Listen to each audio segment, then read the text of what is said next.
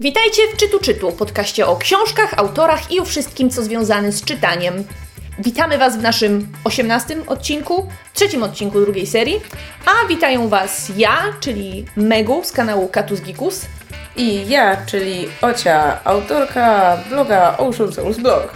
I nie uwierzycie w to, ale to wszystko, jeżeli chodzi o dzisiejszych członków dyskusji, ponieważ Katarzyna zapadła nam była na e, bardzo ciężki przypadek e, post-Oscarusa, to znaczy Kasia wczoraj była na Oscarach i nie dożyła dnia dzisiejszego, ale była bardzo dzielna, bo była jedną z prezenterek, także szerzyła fejmę podsłuchane, za co jesteśmy jej niezmiernie wdzięczne, ale w związku z tym jesteście w dzisiejszym odcinku skazani tylko i wyłącznie na nas, nas dwie i mamy nadzieję, że nie będzie to straszny problem i że uda nam się nas, Was i tak bardzo dobrze zabawić.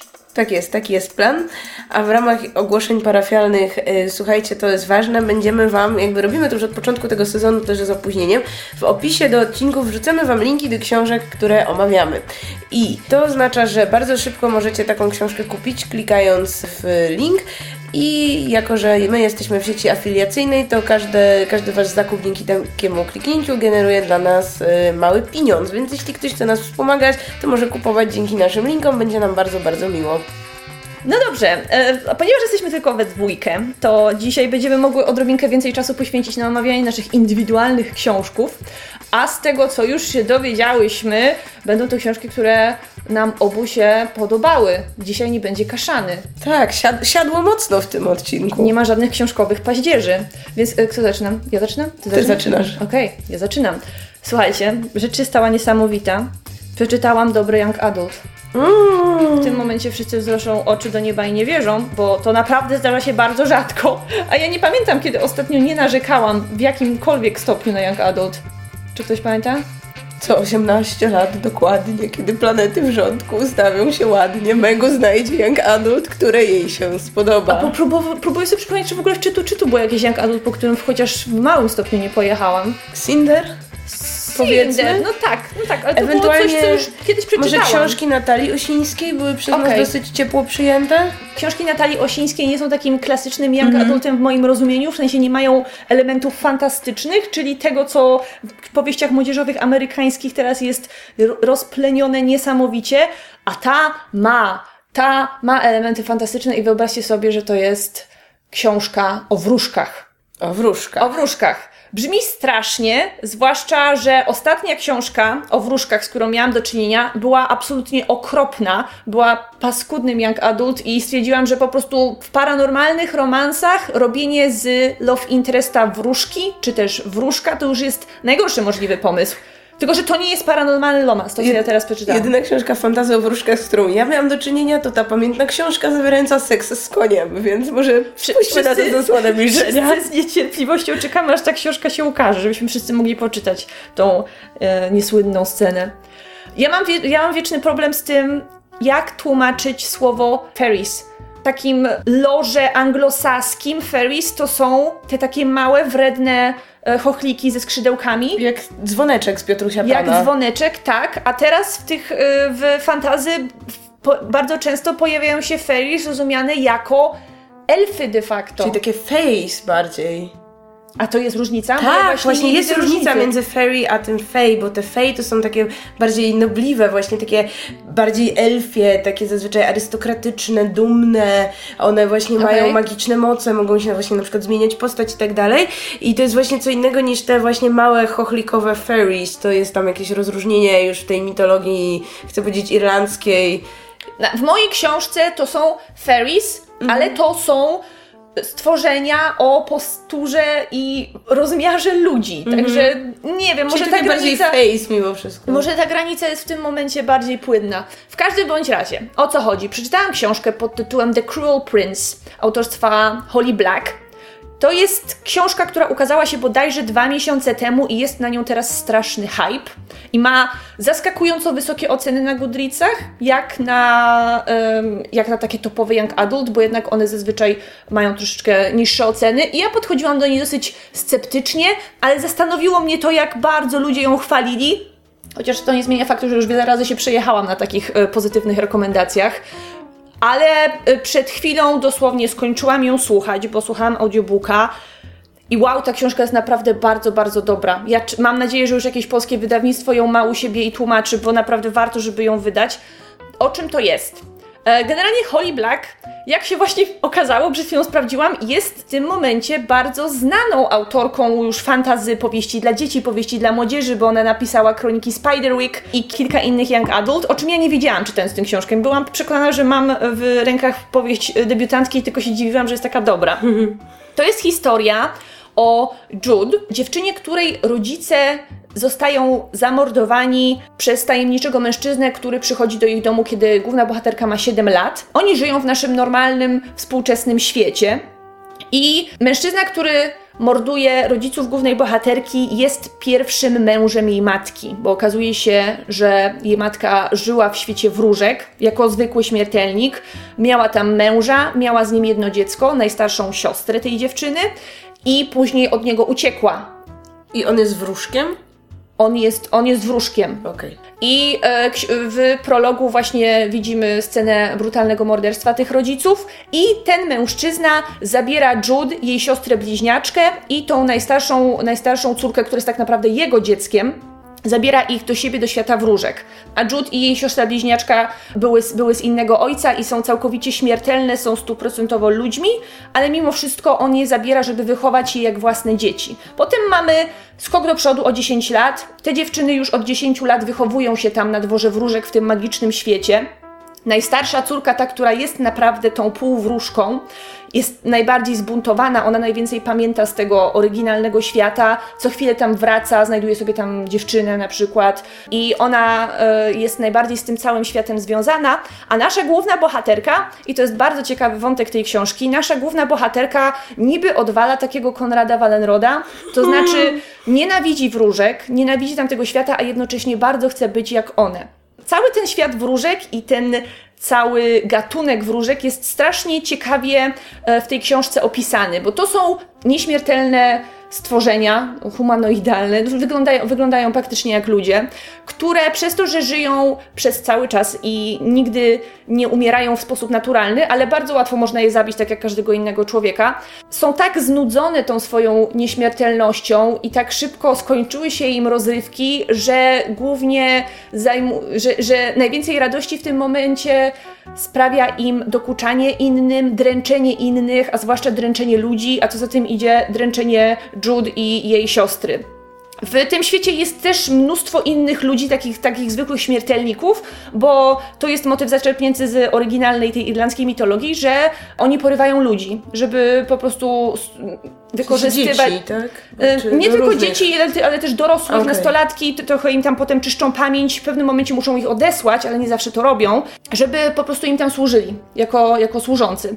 I to, co mi się bardzo podobało e, w tej książce i w tej całej kreacji rodu wróżek, to to jest to, że one są opisywane jako, jako oni są opisywani jako bardzo piękni ludzie, przystojni, zapierający wdech, piersia, wdech w piersiach, ale jednocześnie są opisywani jako takie dziwne stworzenia, bo oni mają rogi, mają nienaturalnie spiczaste policzki, mają kopyta, niektórzy mają ogony, także to są, to są stworzenia niby piękne, ale jednocześnie w tym, w tym swoim pięknie trochę przerażające. Więc to nie jest tak jak zazwyczaj jest w Young Adult, że jak dziewczyna spotyka reprezentanta jakiegoś innego gatunku, to on po prostu serce jej staje na jego, na jego widok, bo on jest tak piękny, że ona od razu go kocha.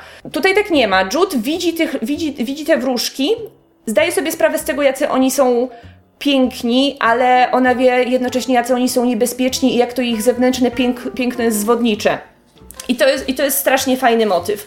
I ta główna bohaterka Jude wychowuje się od 10 lat w tym społeczeństwie i bardzo chce, żeby to społeczeństwo ją zaakceptowało i żeby ona znalazła w nim swoje miejsce. Czyli to nie jest tak, jak zazwyczaj bywa, że ona przez cały czas jest zbuntowana i tak naprawdę planuje, jak tylko, się, jak tylko od nich uciec i jak wrócić do swojego prawdziwego świata, a przy okazji najlepiej wszystkich ich wymordować. Nie, ona chce tam zostać, ona chce się sprawdzić, nienawidzi tych ludzi, bo oni ją dręczą, a zwłaszcza najmłodszy syn obecnego króla, Czyli, Czyli ty, tytułowy okrutny książę. okrutny książę, tak? A czy to jest też jej love interest?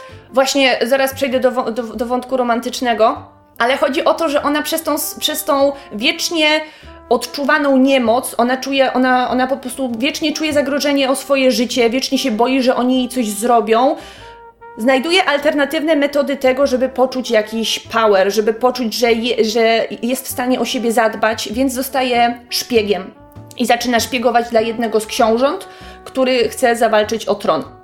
Bo w pewnym momencie król, który rządzi tym całym światem, postanawia zejść z tronu i obdarzyć nim jednego ze jedno ze swoich dzieci, które y, będą musiały trochę o ten tron konkurować, ale on wybiera swojego następcę. Mówi, y, że ten a ten książę y, będzie następnym królem i ja chcę, żeby on mnie, e, żeby on mnie zastąpił.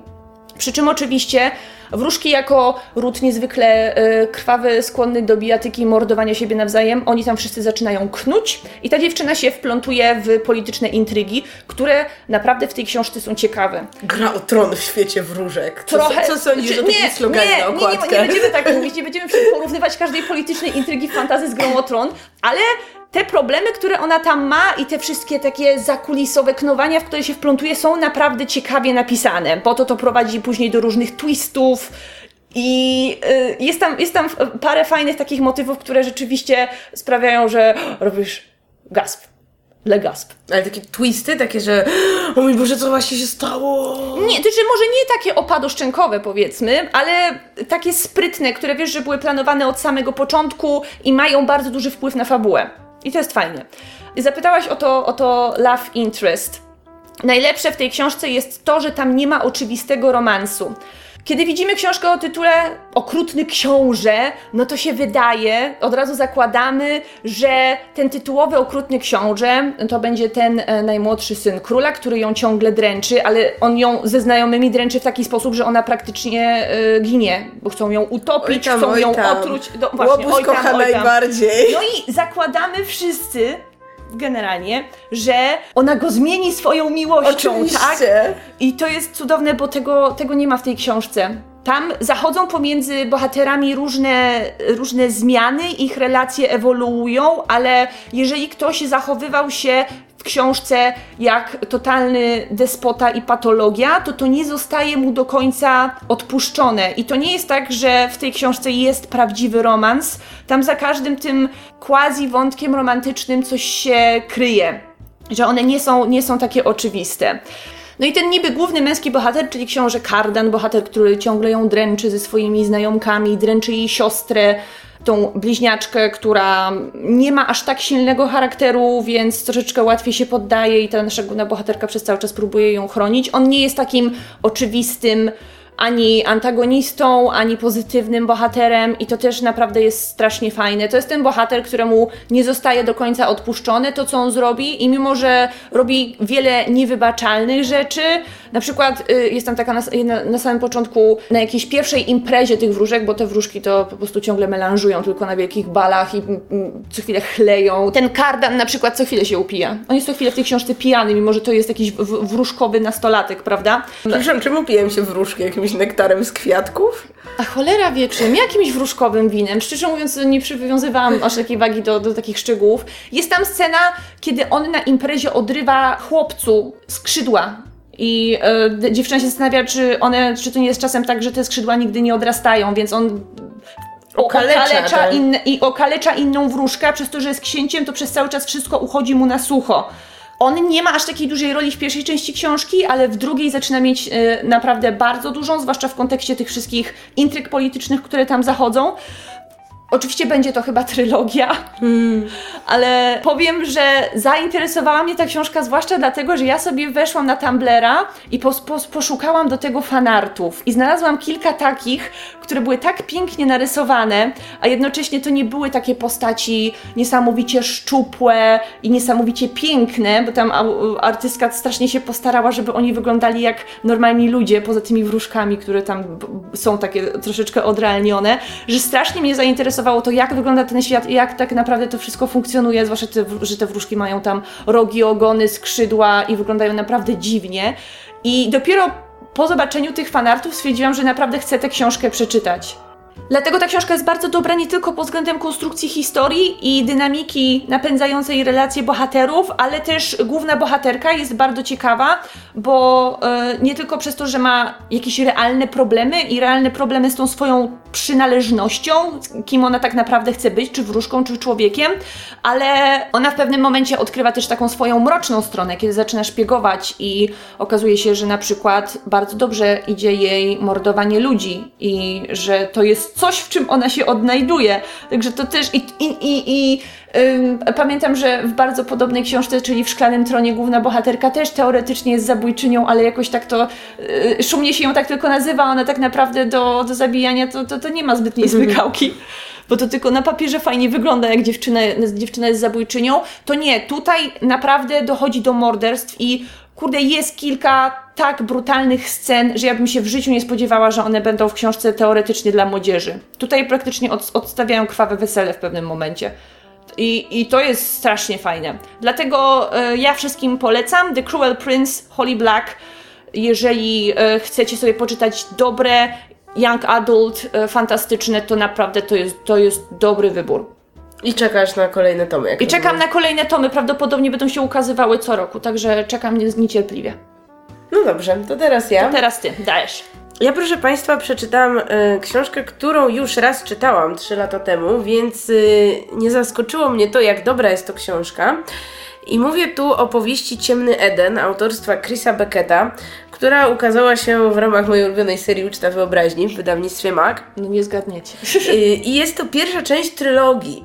I powtórzyłam sobie tę książkę głównie dlatego, że teraz, y, mówiąc teraz, mam na myśli połowę lutego, właśnie też nakładem wydawnictwa MAG ukazał się drugi tom tego cyklu.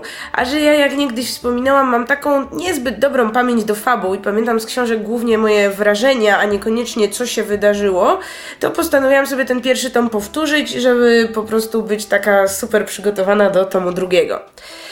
I Ciemny Eden jest powieścią z nurtu socjologicznej fantastyki naukowej, czyli to jest ten nurt, w którym między innymi pisał niektóre swoje książki Stanisław Lem, czy na przykład Zajdel, czy z bardziej współczesnych autorów, choćby Rafał Kosik. Oczywiście też masa autorów zagranicznych, choćby na przykład Brian Aldiss, w jakimś sensie też Isaac Asimov.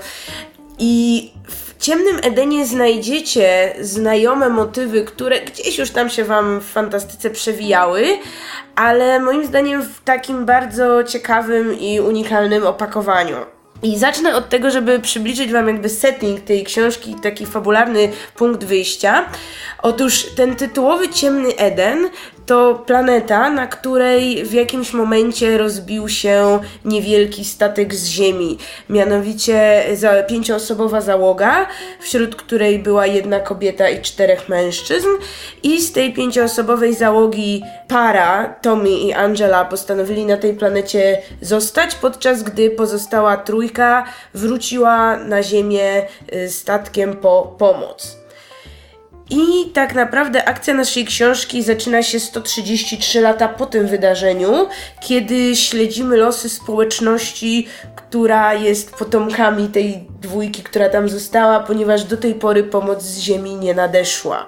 I w ciągu z tych 130 trzech lat wyrosło, umarło po części pięć pokoleń i społeczność, która zaczynała od tej właśnie takiej powiedzmy biblijnej dwójki liczy już 532 osoby. Zastanawiam się, czy to jest matematycznie możliwe. I jak często dzieci tam mają wady genetyczne, skoro oni się wszyscy... Często. No Oj tak, właśnie. tak, to jest jeden z tematów tej książki, no bo y, jak można się domyślić, y, skoro mieliśmy tylko jednego mężczyznę, jedną kobietę, no więc oni mieli, y, mieli grupę dzieci. Wśród tych, wśród tych dzieci mieli tylko jednego syna i kilka córek, tam chyba cztery albo pięć córek, Ew. więc y, to tak naprawdę już w tym drugim pokoleniu ten brat musiał być ojcem, ojcem dla dzieci swoich sióstr. I jakby Czyli... w każdym pokoleniu było tych ludzi coraz więcej, no bo wiadomo, w takiej społeczności, no gdzie nikt nie dba o antykoncepcję i tak dalej, no to te kolejne dzieci rodziły się bardzo szybko, no oczywiście mimo, że tam część od razu umierała, czy nie dożywała jakiegoś późnego wieku, no to z każdym tym pokoleniem był ten taki geometryczny przyrost ludności. Ale to strasznie ich tam dużo było. 500 osób po pięciu pokoleniach? Tak. I... To oni tam musieli mieć po mnóstwo dzieci. To znaczy, w ogóle jeśli chodzi o te dzieci i o rodziny, jakie oni tworzyli, to to już jest ten pierwszy moment, kiedy ta książka pokazuje nam coś nowego, jeśli chodzi o społeczeństwa, bo to nie jest żadne takie klasyczne społeczeństwo, jakie my teraz sobie wyobrażamy, czyli że mamy tam matkę, ojca, ich dzieci i to jest jakby ta podstawowa komórka społeczna, rodzina. Nie, to bardziej jest takie, takie pierwotne, plemienne postrzeganie rodziny. Ludzie żyją w takich dziewięciu, powiedzmy, plemionach i w każdym tym plemieniu dzieci są jakby wspólne. Każde dziecko wie, kto jest jego matką, ale nie ma pojęcia, kto jest jego ojcem, ponieważ oni mają bardzo swobodne podejście do seksualności, właśnie do współżycia i tam jest tak, że po prostu jeśli kobieta i mężczyzna mają ochotę na seks, no to się dogadują, po prostu pytają się siebie, no to idziemy, no to, no to chodźmy i i kobieta najczęściej nawet nie wie, kto jest ojcem jej jednego dziecka, danego dziecka, czy poszczególnych w ogóle dzieci. Jakby to nie jest w ogóle istotne dla nich społecznie, więc tam jest tak, że no każda, każda kobieta ma, wie, że wie, że to są jej dzieci, ale one są tak naprawdę wychowywane w obrębie danego plemienia i przynależą no, z natury rzeczy do plemienia tej matki. Jakby ojciec nie jest w ogóle ważną figurą w żadnym, w żadnym sensie. Naszym głównym bohaterem jest młody 15-letni chłopiec czy mężczyzna, bo tam jakby szybciej, szybciej trochę dojrzewają ci osobnicy, nazywa się John Czerwoniuch.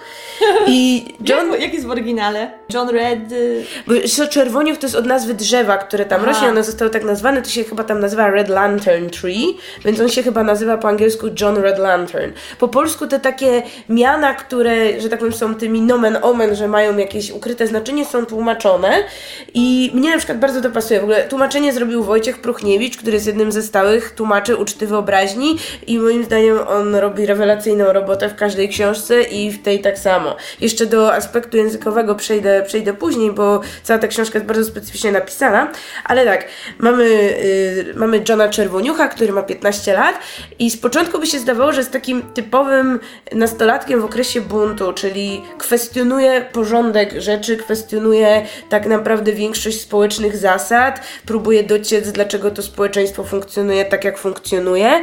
I jakby pierwszy konflikt, jaki nam się rysuje, taki socjologiczny powiedzmy, to jest ten konflikt takie nowe versus stare, młode pokolenie kontra stare pokolenie, ponieważ to społeczeństwo jest bardzo przywiązane do tradycji. Jakby największą estymą cieszą się osoby najstarsze w tej społeczności, przy czym osoby najstarsze to, to jest bodajże jeszcze przedstawiciele tego trzeciego pokolenia, czyli oni są wnukami tej pierwszej pary założycieli tej społeczności, jeśli dobrze liczę, wnukami. Ale wciąż są wszyscy połowie przynajmniej rodzeństwem między sobą. Tak, jakby wszyscy są ze spokrewnieni, to jest dla nich wielka wartość. Oni jakby wszyscy, te 500 osób nazywają się z wielkiej litery pisaną rodziną o, i uważają, że to jest jakby największe ich takie dobro, że rodzina jest najważniejsza, rodziny nie można rozdzielać i wszystkie decyzje, jakie podejmujemy w ramach tej społeczności muszą mieć przede wszystkim e, dobro rodziny jako taką wartość nadrzędną. I mm, ci, ci najstarsi, oni są właśnie tacy bardzo przywiązani do takich ceremonii, które są organizowane co roku. Oni sobie opowiadają historię powstania tej całej społeczności, od zarania dziejów, od tego rozbicia. I jakby oczywiście przez lata jest sporo takich faktów i tradycji jest jakby poprzekręcanych, no bo oni pamiętają, że na przykład ta, ta para ludzi, która no, wychowała się na ziemi, w domyśle tej naszej ziemi, tylko trochę bardziej zaawansowanej technologicznie, no to wspominałem, że no, no było na ziemi coś takiego jak jakieś tam samochody, jakieś takie niby szałasy tylko duże i z przezroczystymi ścianami. I jakby oni, oni nie mają pojęcia, jak to wszystko wygląda, no nigdy tego nie widzieli, tam może ktoś widział jakiś model samochodu, który ktoś im tam 100 lat wcześniej pokazał i jakby mają, coraz bardziej przetwarzają te historie, że one mają coraz mniej coś wspólnego z prawdą, ale no są tradycją, no więc opowiadamy to sobie, celebrujemy to, celebrujemy właśnie jakieś takie przedmioty, takie artefakty, które zostały po tych pierwszych ludziach, czyli no jakiś element ich odzieży, czy opowiadamy sobie historię, jak ta matka, założycielka zgubiła swój pierścień, bo w ogóle dla nich metal to jest no niesamowite coś, oni nie znają czegoś takiego jak metal, więc fakt, że jakiś tam krążek z jakiegoś świecącego się twardego materiału. I I y, ta starszyzna, ona jest bardzo właśnie przywiązana do tych ziemskich wartości, mimo że ich nie znają, na takiej zasadzie, że oni cały czas wierzą, że ta ziemia po nich przyleci, że ten ratunek nadejdzie, więc oni nie chcą niczego zmieniać, nie chcą choćby y, dokonywać jakiejś ekspansji terytorialnej. Oni siedzą wszyscy w jednej dolinie, tam gdzie y, ta pierwsza para założyła dom, niedaleko miejsca, gdzie ten ich statek się rozbił, czy znaczy, no, tam wylądował ten statek, którym potem ta reszta odleciała.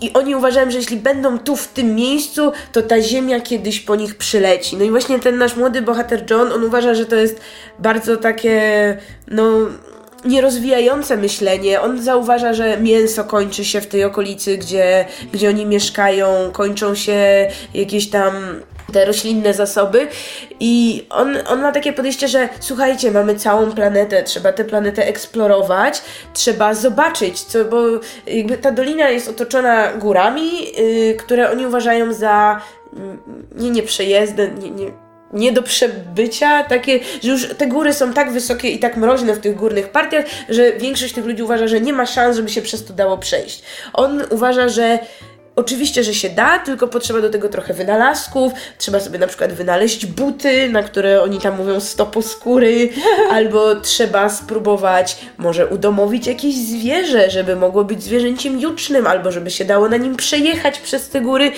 I oczywiście on jest totalnie niezrozumiany przez większość tej starszyzny, która mu każe siedzieć cicho, bo on jest młody, bo on nie może się wypowiadać na żadnych ważnych spotkaniach i w ogóle, że yy, lepsze jest wrogiem dobrego i po co cokolwiek zmieniać siedźmy na tyłkach i czekajmy na ten ratunek z ziemi, który no po 163 latach wciąż nie nadszedł, więc jaka jest szansa, że nadejdzie?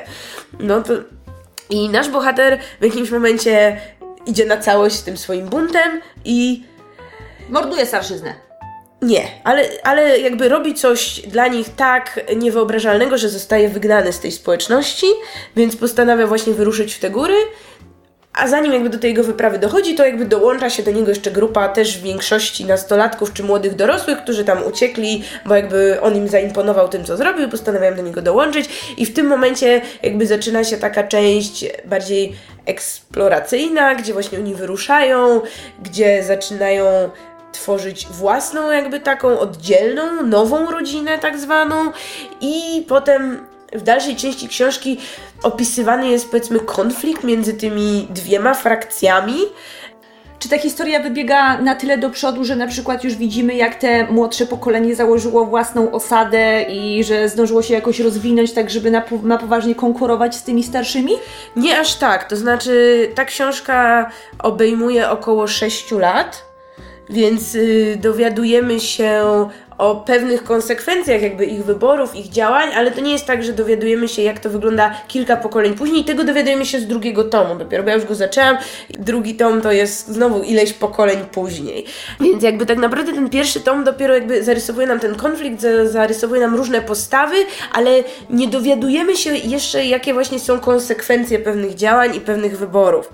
Czy to jest właściwie taka książka o tym, jak powstaje religia i później jak do tej religii powstają różne odłamy? I tak dalej? E, nie do końca, to znaczy jest tu pewien aspekt religijny i to, znaczy to jest ciekawe, bo to, to jest, yy, powiedziałabym, społeczność ateistyczna, to oni, znaczy oni nie wyznają żadnego Boga w sensie, nie wiem, Boga chrześcijańskiego, czy Boga jakiejkolwiek innej religii, nie wyznają, nie wiem, wielobóstwa, ale oni, niektórzy wierzą w takie duchy przodków. To znaczy, są osoby, które próbują manipulować społecznością, twierdząc, że na przykład przemawiają do nich duchy przodków, duchy tej pary założycielskiej albo innych ludzi, którzy żyli już tu wcześniej na tej planecie i umarli. I jak najbardziej taki wątek manipulowania innymi poprzez no coś na kształt wierzeń, coś na kształt religii się pojawia, ale to akurat nie jest jakimś dominującym wątkiem. No, no na przykład dochodzi do pewnych takich posunięć demagogicznych, gdy, gdzie bohater, który absolutnie nie wierzy w to, że mówią do niego duchy przodków, zaczyna mówić, że mówią do niego duchy przodków, które zesłały mu coś tam, tylko po to, bo wie, jak silnym środkiem manipulacyjnym to jest i jak pozwoli mu to zapanować nad y, wątpiącą w danym momencie społecznością. Właśnie ten aspekt socjologiczny w tej książce no jest fenomenalny. On nam pokazuje, do czego prowadzą pewne postawy, i to nie jest tak, że. To, to, to, nie jest książka, która na przykład jednoznacznie nam mówi, że stare to jest to złe, a nowe to jest to dobre, że postęp jest zawsze tym y, wspaniałym motorem, do którego za wszelką cenę należy dążyć. To znaczy, z jednej strony, tak, oczywiście, że postęp jest tu dobry i to, że robimy nowe wynalazki, to, że próbujemy eksplorować tę planetę, to jest pozytywne, ale bohater, który prezentuje tę postawę, nie jest bohaterem pozytywnym. To znaczy, John, ten nasz główny bohater, to nie jest postać, którą lubimy. W przeważającej mierze to jest po prostu Boots, który mhm.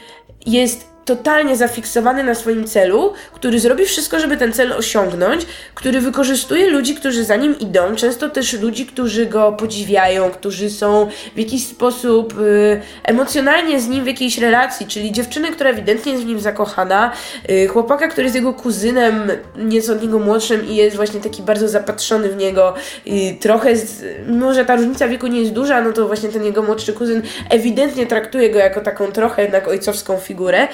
I on się nie waha wykorzystywać takich osób, on się nie waha samodzielnie podejmować decyzji tylko dlatego, że uważa, że tak to będzie super dla naszej społeczności, nie pyta nikogo o zdanie. I wielokrotnie właśnie u, dopuszcza się manipulacji na, na, na tej społeczności czy na bliskich mu osobach. I autor nie pisze go tak właśnie, żebyśmy my mieli to podziwiać, żebyśmy mieli go lubić, wręcz przeciwnie, jakby daje nam bohatera, którego motywacje mogą być dobre, ale postępowanie jest często takie, no powiedziałabym nawet makawialiczne. To jest wątek, który na przykład mówi nam, że właśnie to takie kreatywne, pozytywne myślenie nie zawsze jest tym najwyższym dobrem, a równocześnie każe nam bardzo uważać na to, komu pozwalamy dojść do, dojść do władzy w jakiejś społeczności.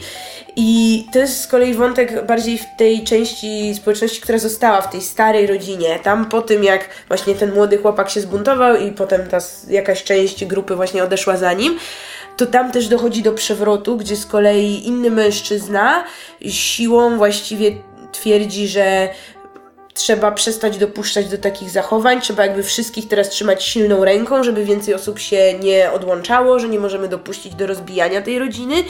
I tak naprawdę mamy na tych dwóch biegunach dwie męskie postawy, które obie są destrukcyjne, obie są złe i autor w taki piękny sposób po prostu punktuje te wszystkie wady patriarchatu, bo wcześniej to było właśnie raczej to matriarchalne społeczeństwo, oczami bohaterki, bohaterki, która wyruszyła za Johnem, ona nazywa się Tina Kolczak, jest powiedzmy takim naszym drugim narratorem.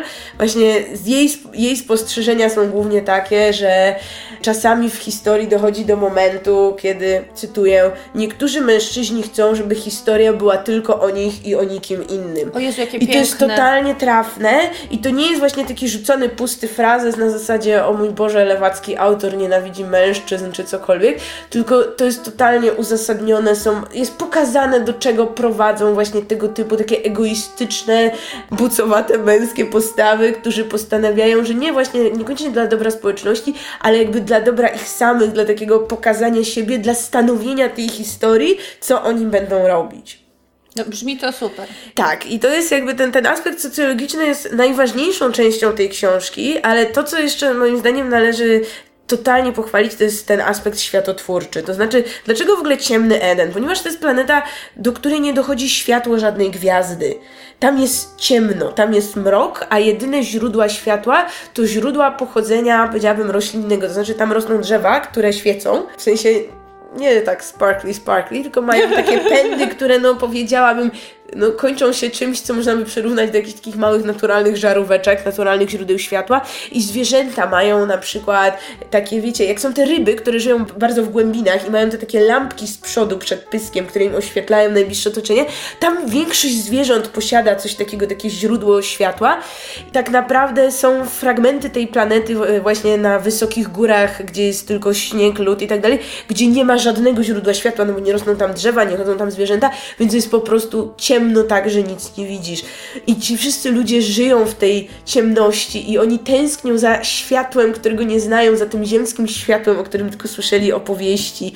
Tam jest totalnie zupełnie inny ekosystem. Autor wykreował florę, faunę tej planety, która nie ma nic wspólnego z ziemską fauną i florą. Tam zwierzęta mają, nie wiem, sześć nóg na przykład, yy, takie zwierzęta kopytne, które są, nie wiem, odpowiednikami jakichś owiec, czy kozłów, czy, czy koni, czy czegoś w tym stylu, albo jakieś takie gigantyczne żyrafy, żyrafy, które zjadają te świecące elementy drzew i tworzą, zostawiając za sobą taką ścieżkę ciemności. Jakby ta książka jest tak plastyczna w tym, jak opisuje właśnie światło i cienie i i te właśnie miejsc, miejscowy koloryt. Czy ona jest długa? Ile ma stron? Nie, ona nie jest długa. Pierwszy tom w papierze to jest mniej niż 400 stron, mhm. drugi ma chyba właśnie 400 czy tam 400 kilka stron i jest jeszcze trzeci tom, który autor już napisał, który jeszcze się u nas nie ukazał, ale jest jak najbardziej gdzieś tam w planach wydawniczych.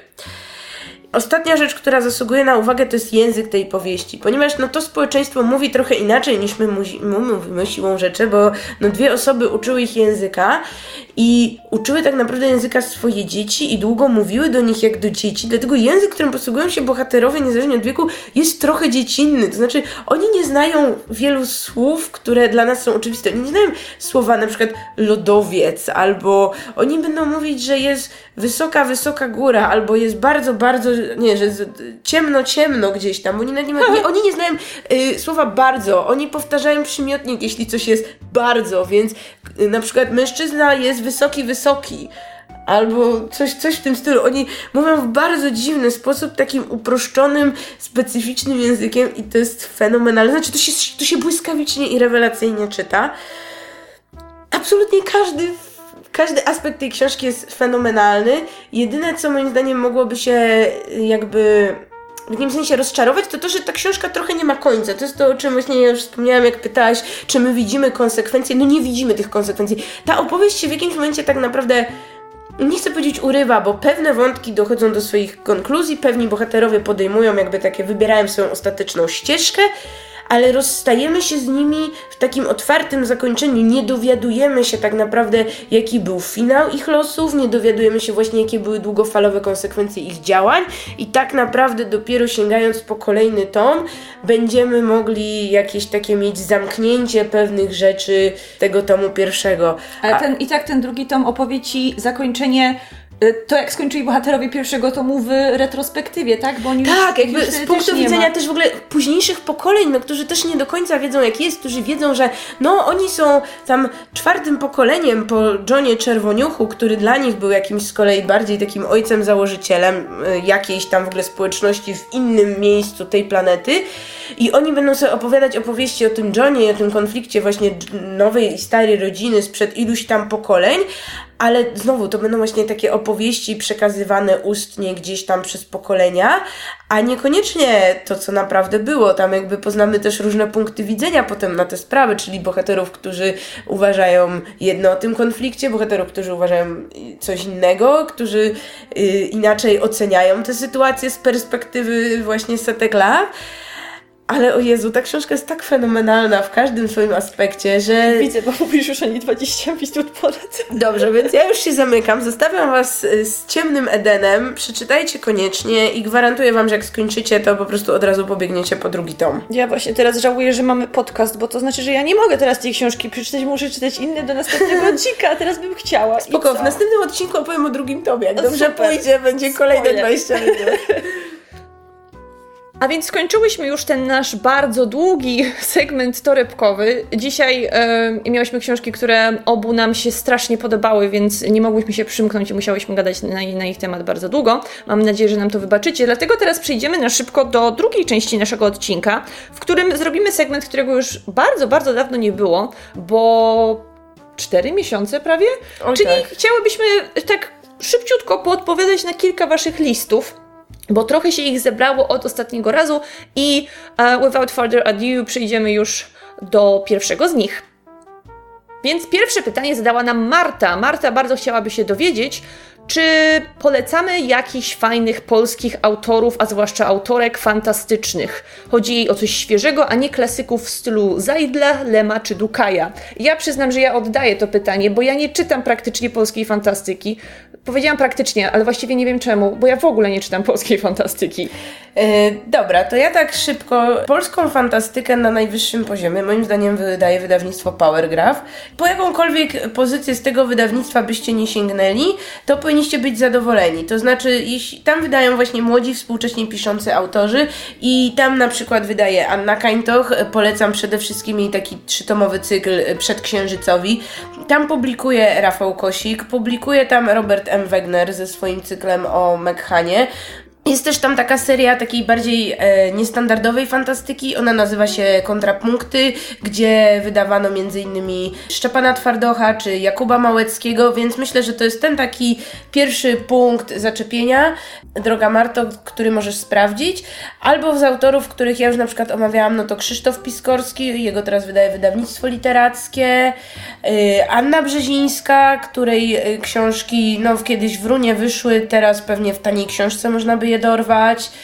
I to, tak, myślę, że to będą dobre, dobre typy na początek. Na początek? I na początek, lata jak przeczytasz, y, zgłoś się znowu i pomyślimy co dalej. Dobrze.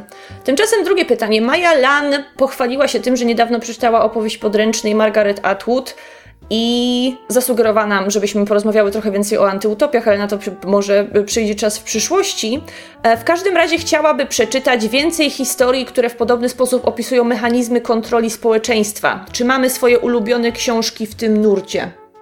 To znaczy, ja jestem totalną fanką antyutopii, dystopii i tego typu właśnie nurtów literackich, no więc wydaje mi się, że przede wszystkim klasyka, to znaczy mamy oczywiście Orwella 1984 tak. i Animal Farm, yy, mamy oczywiście Huxleya i Nowy Wspaniały Świat, i te trójce zamyka Ray Bradbury i 451 stopni Fahrenheita. Tym bardziej warto przeczytać, że za chwilę dostaniemy film produkcji HBO z Michaelem B. Jordanem i Michaelem Shannonem w rolach głównych, więc przeczytajcie o tym, jak ludzie palą książki i do czego to może doprowadzić. Ja przyznam, że jedyne antyutopie, z jakimi mam do czynienia w ostatnich latach, to są te, które znajdują się w Young Adult i jeżeli powiem, że polecam Susan Collins i e, Hunger Games, to chyba troszeczkę, nie wiem, strzelę sobie w stopę, bo to wszyscy znają, więc to żadna, żadna nowość. Ale na przykład e, Czerwona Królowa, która pokazywała podział społeczeństwa ze względu na kolor krwi i idące za tym para, paranormalne moce też był całkiem niezły, chociaż wiem, że wielu osobom się nie podobało, ale ja bardzo tę książkę lubię. Także w Young Adultach bardzo dużo można znaleźć takich historii. Tak, po Igrzyskach Śmierci to był taki wtedy bardzo modny nurt, gdzie no oczywiście powstało sporo gniotów, jak na przykład seria Divergent, ale na pewno powstało też coś lepszego, po co warto sięgnąć, zwłaszcza na początek swojej przygody z tym nurtem. Chociaż ja mam generalnie dosyć złe zdanie o tych młodzieżowych dystopiach, o tyle, że one zazwyczaj nie przedstawiają reali realistycznie tych światów, a bardziej się jakby skupiałem na tych innych aspektach, bardziej na bohaterach, prawda, mhm. ich jakichś przygodach, ale jeśli ktoś jakby nie, nie obsiągł jeszcze tymi dystopiami, to jak najbardziej próbować. Następne pytanie zadała Marteczka, która najpierw posłodziła nam niesamowicie, mówiąc, jakie to jesteśmy wspaniałe, za co dziękujemy. oczywiście, że dziękujemy. A później zadaje pytanie, czy uważamy, że istnieją książki, które każdy człowiek musi znać, albo czy są pozycje, których nie, których nie przeczytać to wstyd i co w ogóle na ten temat myślimy. Myślę, że to jest taki temat, który tak troszeczkę poruszałyśmy już w poprzednich odcinkach przy okazji tego wartościowania czytania, czy to rzeczywiście jest taka rozrywka lepsza niż wszystkie. I no to jest znowu wracanie do tematu tego, czy istnieje jakiś korpus literatury, który trzeba znać po to, żeby móc dobrze interpretować resztę tej literatury najnowszej. Ale ja zawsze jestem takiego zdania, że e, nie powinno się ludzi zmuszać do czytania takich starszych rzeczy, jeżeli nie mają na to ochoty, tylko po to, żeby nadawać ich zainteresowaniom literackim jakikolwiek kontekst. Nie wiem, y, czy ty ja się bym powiedziała, że, że odpowiedź na to pytanie brzmi to zależy, to znaczy jeśli po prostu czerpiesz przyjemność z czytania i chcesz, yy, chcesz yy, nie wiem, czerpać z tego rozrywkę, chcesz polecać książki, które teraz czytać, to absolutnie nie jest tak, że musisz coś znać. To nie jest tak, że jeśli, nie wiem, nie przeczytałeś to ustoja, to nie możesz przeczytać, nie wiem, teraz właśnie opowieści podręcznej i polecić tej książki, bo masz braki w klasyce musi to osoba, która nie wiem, jest już faktycznie literaturoznawcą czy, klasy- czy jakimś krytykiem literackim i faktycznie już porusza się na takim poziomie krytyki tej literatury, że no po prostu musi znać te wszystkie konteksty, te wszystkie, y, dostrzegać jakieś nawiązania, tropy i tak dalej. Ale to nie jest ten poziom, który należy narzucić tak zwykłym czytelnikom, bo to byłby po prostu snobizm. Ja, ja na przykład y, powiedziałabym w ten sposób, że warto mieć świadomość tego, że niektóre pozycje istnieją i jakie motywy są w tych pozycjach poruszane, jakie problemy one omawiają, bo to rzeczywiście może się przydawać nawet, nie wiem, przy oglądaniu seriali i filmów, jak są jakieś y, meta, metatekstualne nawiązania, ale żeby od razu trzeba było bardzo dobrze znać każdą z tych powieści, no to już jest kwestia dyskusyjna, prawda? Tak, czasem trzeba po prostu wiedzieć, że coś już było, żeby może ewentualnie ewentualnie, dajmy na to, nie powiedzieć, że coś jest mega nowatorskie, kiedy, nie wiem, piszą o tym od setek lat, ale czasem po prostu wystarczy wiedzieć, co jest w jakiej książce, niekoniecznie trzeba ją czytać. Następne pytanie zadał nam Kajtek. I Kajtek pyta o realia pracy w branży wydawniczej. Czy wiemy, na czym polega praca korektora, edytora, redaktora i jakim, jakimi narzędziami się posługują, ile zarabiają, to od razu Ci powiem, że nie wiemy. Jaki mają wpływ na finalną wersję książki, jak przebiega współpraca między nimi a autorem, najlepsze osoby w tych zawodach i tak dalej, i tak dalej, i tak dalej. No to jest taki inside knowledge, o którym możemy my tylko się wypowiedzieć od strony tłumaczeniowej i to i tak byłabyś tylko ty, mm. bo tylko ty tłumaczyłaś rzeczywiście książkę. Tak, to znaczy z punktu widzenia tłumacza to wygląda tak, że tłumacz dostaje tekst do przełożenia. Zazwyczaj nie ma kontaktu z autorem, chyba że to jest już taki znany współpracujący tandem, jak nie wiem, Piotr Cholewa i Terry Pratchett, to oczywiście, że oni na jakimś etapie swojej współpracy mieli kontakt, ale dajmy na to ja, jako jakiś tam zwykły szary żuczek, no nie mam kontaktu z autorami, których tłumaczę. To, co przetłumaczę, trafia do redaktora i do korektora. I teraz tak, redaktor bardziej patrzy, powiedziałabym tak, holistycznie, całościowo na tekst, czyli po pierwsze, czy to, co, ma, co, co jest napisane, ma sens, czyli czy rzeczy trzymają się faktów, nie wiem, jeśli ktoś pisze powieść historyczną, to redaktor tak naprawdę powinien sprawdzać, czy autor nie pisze bzdur, czy nie pojawiają się jakieś, nie wiem, totalnie niezamierzone e, anachronizmy i tak dalej. Redaktor e, wywala zbędne fragmenty, redaktor czuwa nad taką spójnością książki typu, żeby, nie wiem, nie była zbyt rozwlekła, albo nie była zbyt y, taka, zbyt pędząca akcja, żeby ta książka miała taki balans, powiedziałabym, narracyjno-językowy, ale nie zajmuje się wstawianiem przecinków albo tym, żeby, nie wiem, słowa miały poprawne końcówki, bo tym zajmuje się korektor, więc korektor już czuwa potem, po tym jak redaktor zrobi swoją robotę, najczęściej wchodzi korektor, który czuwa już na taką poprawnością interpunkcyjno-ortograficzną, ale z kolei jakby już nie zajmuje się tym, żeby narzucać swoje zdanie typu, czy ten bohater jest dobrze prowadzony, albo nie wiem, właśnie takim fact-checkingiem, bo to powinien właśnie robić redaktor. Oczywiście są wydawnictwa, które z, głównie z powodów oszczędnościowych, łączą funkcję redaktora i korektora w jedno stanowisko i tak się nie powinno robić. Idealnie było, tak. zwłaszcza przecież tyle się, tyle się słyszy, na przykład jeżeli przeczyta się jakkolwiek posłowie do amerykańskiej książki i ile razy to autorowie dziękują swoim redaktorom za to, ile pracy włożyli w przygotowanie tekstu, jak bardzo im przy tym wszystkim pomogli, a ogólnie jeżeli chodzi o sytuację na polskim rynku wydawniczym, to mówi się o kryzysie redaktora, że wydawnictwa nie mają pieniędzy na to, żeby, żeby tym, tym ludziom płacić i, i osoby, które były w zawodzie bardzo, bardzo znane przez lata, no po prostu y, już z ich usług coraz za, rzadziej się w tym momencie korzysta. Także y, no niestety w tym temacie nie jest aż tak dobrze. Kolejnego maila dostaliśmy od Edyty, która ma do nas dwa pytania. I pierwsze z nich dotyczy klasyków, takich jak na przykład Zabić Drozda, Zbrodnia i Kara, czy Buszujący w zbożu. I Edyta zastanawia się, czy są jakieś klasyki, które najbardziej byśmy polecały i uważamy, że zasługują na to miano, oraz w drugą stronę, czy są arcydzieła, które no przeczytałyśmy, bo nie wiem, bo wypadało, czy bo słyszałyśmy właśnie, że to jest takie wielkie arcydzieło, ale nie podobały nam się, czy nie zrozumiałyśmy, dlaczego ta książka jest tak powszechnie uważana za wielką i ważną. No to na pewno miałabym mnóstwo takich przykładów, zwłaszcza tych, które, których fenomenu nie rozumiem, ale jeżeli chodzi o pozytywne przykłady, to, to głównie są te, które się już w mailu pojawiły. Na pewno e, dla mnie jednym z większych zaskoczeń mojej edukacji licealnej, kiedy lektury były przymusem i nie sprawiały mi wiele przyjemności, było to, że Zbrodnia i Kara okazała się być taką rewelacyjną książką. Podobnie zresztą e, jak e, Lalka polski pozytywizm. Nie sądziłam kiedykolwiek, że czytanie polskiego pozytywizmu sprawi mi jak, jakąkolwiek przyjemność, a tutaj tak się stało. Ale ja generalnie ja się przyznam, że ja, ja z klasyką obcowałam głównie w latach szkolnych i ja nie, niechętnie do niej wracam, bo ja jednak wolę się skupić na bardziej współczesnej literaturze. Mam na myśli tutaj od lat 50. do, do, do, do, do, do czasów obecnych i czasami mam tak, że po paru latach albo po parunastu latach wezmę się za książkę, która na której na, naros, narosło tyle pochwał przez ostatnią dekadę i o której nie miałam pojęcia, że naprawdę może być taka dobra, że to nie jest tylko chwilowy hype. I na przykład miałam tak z Zadie Smith, jak przeczytałam Białe Zęby i byłam e, po prostu zachwycona tą książką. Także ja wolę bardziej współczesną literaturę, wśród której już w tym momencie też można szukać e, pozycji, które stały się klasykami. No oczywiście, no choćby właśnie wspomniana Margaret Atwood, czy właśnie Zadie Smith, to jak najbardziej powiedziałabym, że to już jest jakiś taki kanon literatury, tak, no, jeśli nie klasyka.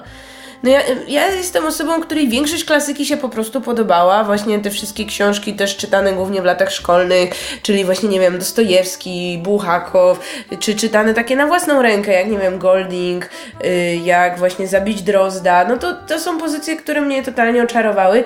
Jeśli miałabym wymienić autora, który jest uznawany za wielkiego i ważnego, a do mnie totalnie nie przemówił, to to jest Ernest Hemingway. I to nie jest tak, że ja się tylko zraziłam w latach szkolnych, czytając Starego Człowieka i Morze, choć oczywiście zraziłam zaraziłam się i nie cierpię tej noweli, to próbowałam jeszcze później bodajże dwukrotnie, już w takim trochę doroślejszym życiu, jego mm, tych bardziej uznanych powieści i, i nie. Jakby zdaję sobie sprawę, jak on jest powszechnie chwalony i za język, za, za to, na jakie ważne tematy pisze, jak właśnie tak poetycko to robi i tak dalej.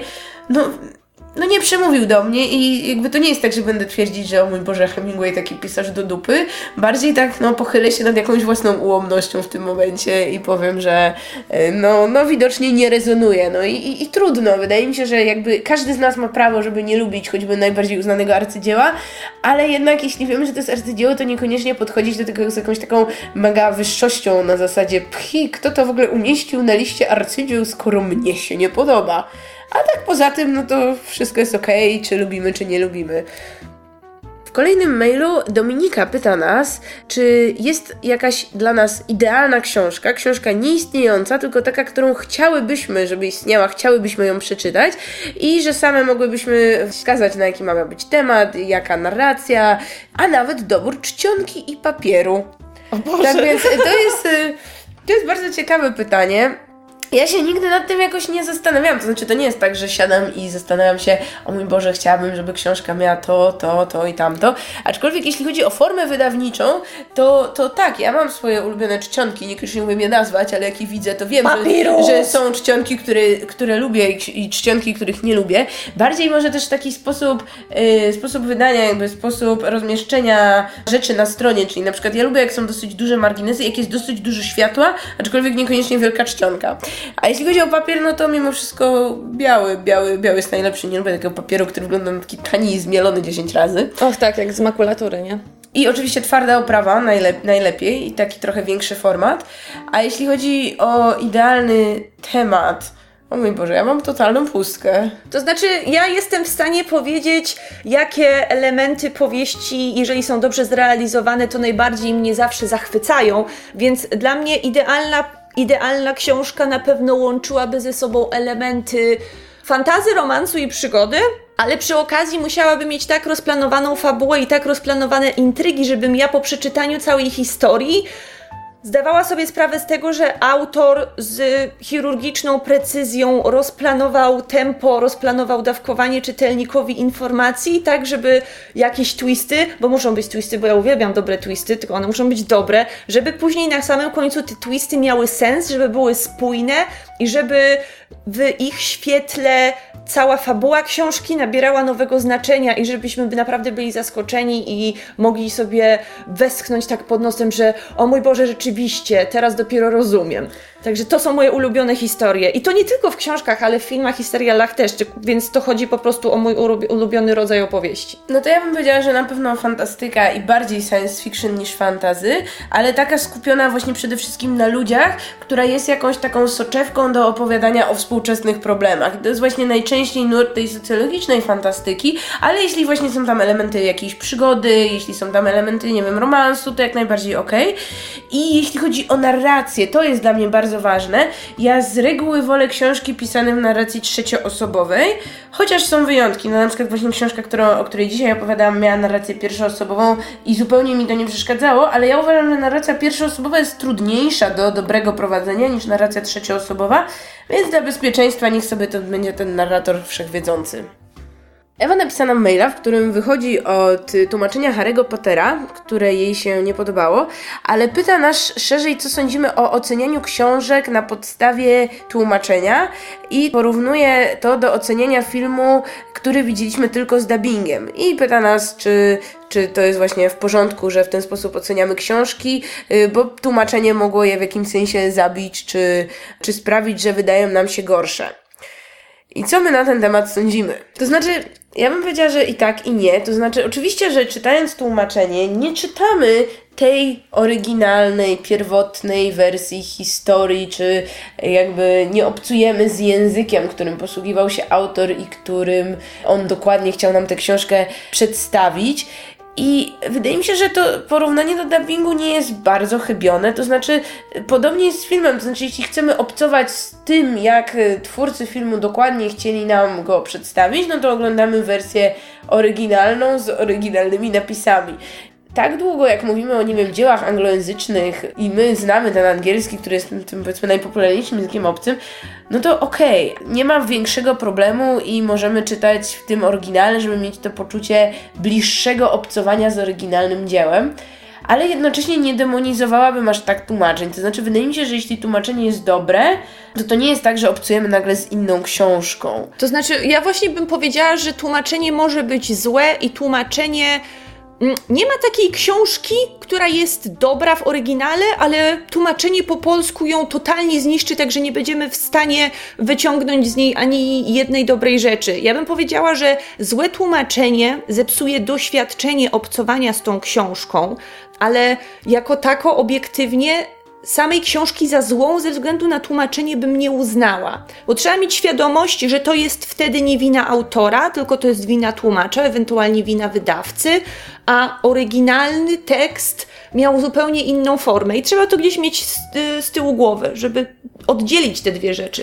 Tak, no bo tak naprawdę jeśli tłumaczenie jest nawet doszczętnie skopane, to zostaje nam książka ze słabą warstwą językową, ale dajmy na to, fabuła jest ta sama, która była, tak? Zakładając, no że nie wiem, tłumacz nie przeinaczył kompletnie faktów. Bohaterowie są tymi postaciami, którymi byli, zachowują się dalej tak samo, nie wiem, świat przedstawiony jest tak, taki, jaki był i zgadzam się, tylko że tak naprawdę trudno może być to oddzielić komuś, czyli ktoś czyta książkę, którą mu się tak fatalnie, topornie czyta, że w tym momencie nie może się nawet cieszyć tymi aspektami książki, które są dobre, bo na przykład po prostu potyka się o to tłumaczenie, tak? No tak było na przykład yy, z tym jednym z niesławnych przekładów Władcy Pierścieni w tłumaczeniu Łozińskiego, który Owęczas poprzekładał nazwy własne, co dla wielu było no, totalną zbrodnią na Tolkienie, że no jak tak, to ale można, oni wiesz, się po... powciskać bagoszy i byli ludzie, którzy po prostu tak się potykali o te nieszczęsne bagosze, że nie byli w stanie cieszyć się lekturą książki jako całości, prawda? No tak, no to to psuje im doświadczenie, ale to nie znaczy, że książka tak, jest jak najbardziej.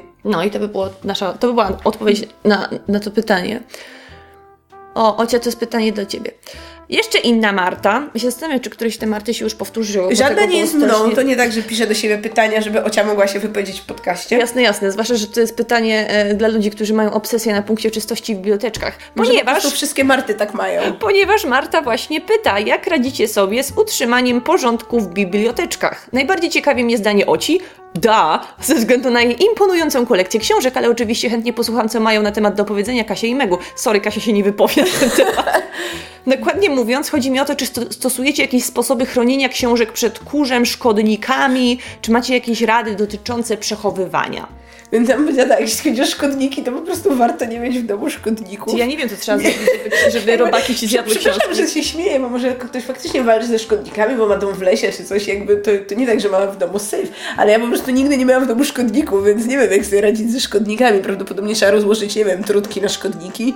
Co trzeba zrobić, żeby wyhodować sobie mole książkowe, takie prawdziwe, co ci kartki zżerają? Nom, nom, nom, nom. Nom, nom, nom, nom, nom, szelestu, szelestu, nom, nom, nom, nom. Nie mam pojęcia, więc jeśli chodzi o aspekt szk szk szkodnik twórczy, to nie odpowiem, ale tak, jeśli chodzi o to, żeby książki przede wszystkim, nie wiem, nie kurzyły się i nie trzeba było ich co chwila przecierać, no to najlepszym rozwiązaniem są biblioteczki z zamykanymi drzwiczkami. No tego jeśli to ja nie mam. Jeśli drzwiczki są szklane, to tym lepiej, bo widać co jest w środku bez otwierania tych drzwiczek, a jednocześnie książki pozostają chronione.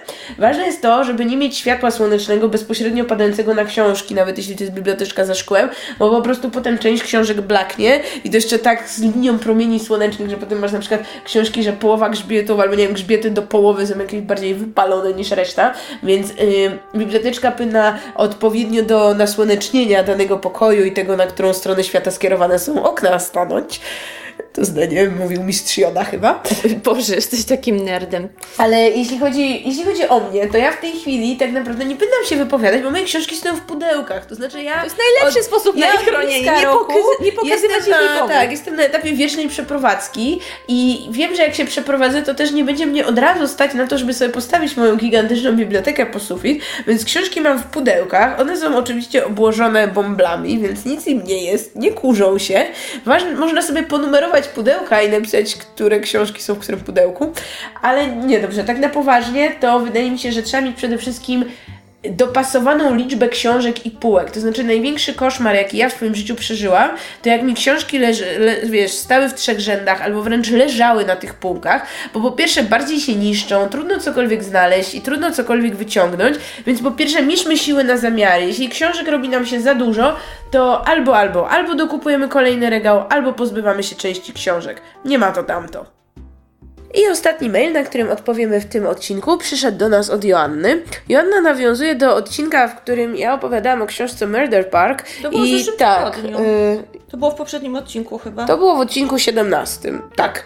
I tam, e, tam padła taka, taka kwestia, że autor książki jest Niemcem, ale osadził akcję swojej powieści w Stanach Zjednoczonych i nie ma to dla tej książki wielkiego znaczenia, bo po prostu to jest opowieść o parku rozrywki i tak naprawdę mogłaby się dziać y, gdziekolwiek, gdzie mógłby stanąć park rozrywki. I to bodajże ja się chyba tam wtedy strasznie zaśmiałam z tego. Tak, że generalnie jest ten taki trend, że autorzy niekoniecznie właśnie będący Amerykanami bardzo lubią osadzać akcje swoich książek y, w Stanach Zjednoczonych, Ale wiesz dlaczego to robią? No bo po pierwsze to jest taki common ground dla wszystkich, wszyscy wiedzą, gdzie są Stany Zjednoczone, a po drugie nie muszą dokładnie sprawdzać, bo na pewno gdzieś w Stanach Zjednoczonych jest coś takiego. To raz, a z drugiej strony, jeżeli ich książka, ym, wydaje mi się, że ich książka wtedy ma większe szanse na y, wydanie po angielsku na rynku y, amerykańskim, bo Amerykanie lubią czytać to, co znają i w, swoi, w bliższym sobie świecie.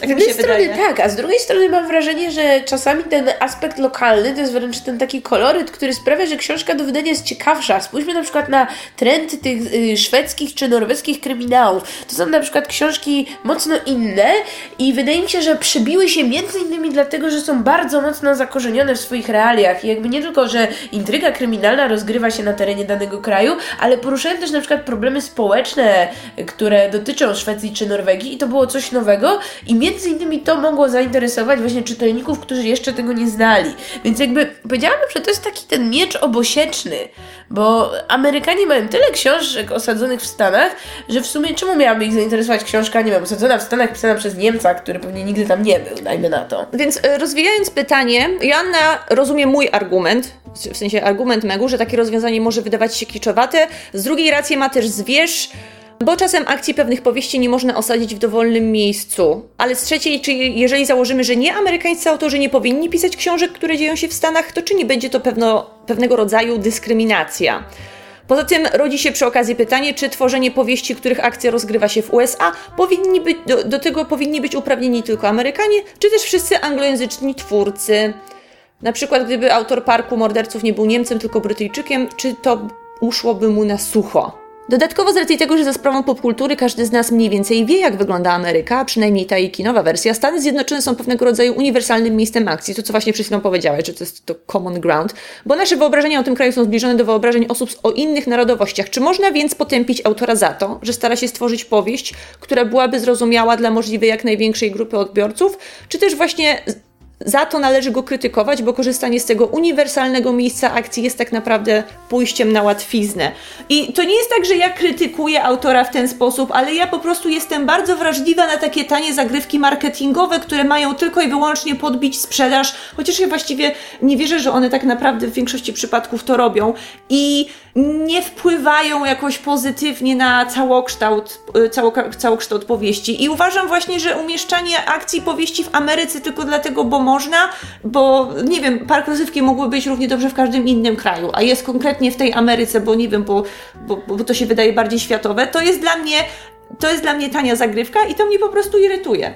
Tak, znaczy po pierwsze, to nie jest tak, że ja bym komukolwiek czegokolwiek chciała na przykład zabronić czy coś, ale dla mnie większą wartością jest y, to, jeśli autor może przedstawić nam w jakimś sensie swój świat. To znaczy, właśnie wydaje mi się, że wielu autorów yy, nieanglojęzycznych, o których usłyszeliśmy, usłyszeliśmy o nich między innymi dlatego, że właśnie pokazywali nam jakiś wycinek swojego świata, który nie jest tak literacko wyeksploatowany, czy ogólnie popkulturalnie wyeksploatowany i właśnie oni mogą pokazać nam coś nowego, coś, czego nie znamy pokazać nam jakąś, w cudzysłowie, egzotykę i to jest bardzo często wartość dodana. A jeśli osadzamy powieść w Ameryce, to to jest najczęściej taka Ameryka właśnie generyczna, taka Ameryka pełna klisz, która może po pierwsze niekoniecznie ma coś wspólnego z jakąś prawdziwą Ameryką, a po drugie, no to to jest pójście na łatwiznę. Tak. Y i wydaje mi się, że tak naprawdę wszystko zależy, jakie autor ma aspiracje, czyli no jeśli ktoś tworzy czytadło i właśnie chciałby, żeby ono się gdzieś tam na amerykańskim rynku sprzedało właśnie w grupie innych czytadeł,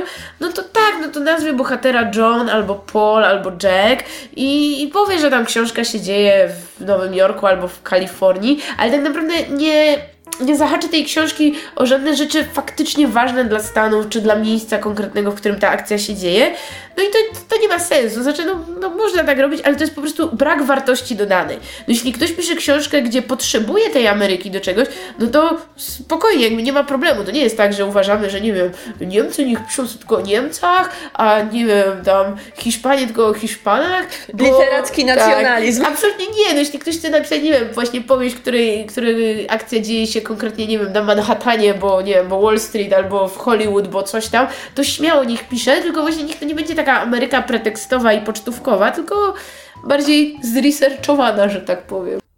I na tym właściwie zakończymy nasz segment pytaniowy i zarazem cały odcinek. Tak, dziękujemy za też wszystkie listy, które nie zawierały pytań albo zawierały pytania, na które już zdążyliśmy odpowiedzieć e, w toku odcinków, które ukazały się między otrzymaniem listu a tym odcinkiem. I dziękujemy oczywiście za masę miłych słów, które do nas napisaliście. Jest nam bardzo, bardzo miło i bardzo, bardzo dziękujemy. I cieszymy się, że jesteście z nami i słuchajcie nas dalej, nawet wtedy, kiedy jesteśmy tylko we dwójkę, bo w, okro w okrojonym składzie w wyniku różnych wypadków losowych. I mam na mamy nadzieję, że taki odcinek teraz, kiedy byliśmy tylko same, też, też Wam się spodobał i że już w następnym powitamy z powrotem Kasię. Tak, i tradycyjnie możecie pisać do nas kolejne maile na czytu czytu małpapodsłuchane.pl Możecie zostawiać nam suby na YouTubie i lajki na Facebooku i możecie też subskrybować kanał Podsłuchane i fanpage Podsłuchane. I dziękujemy Wam za uwagę i do usłyszenia w przyszłym tygodniu. Pa pa! pa, pa.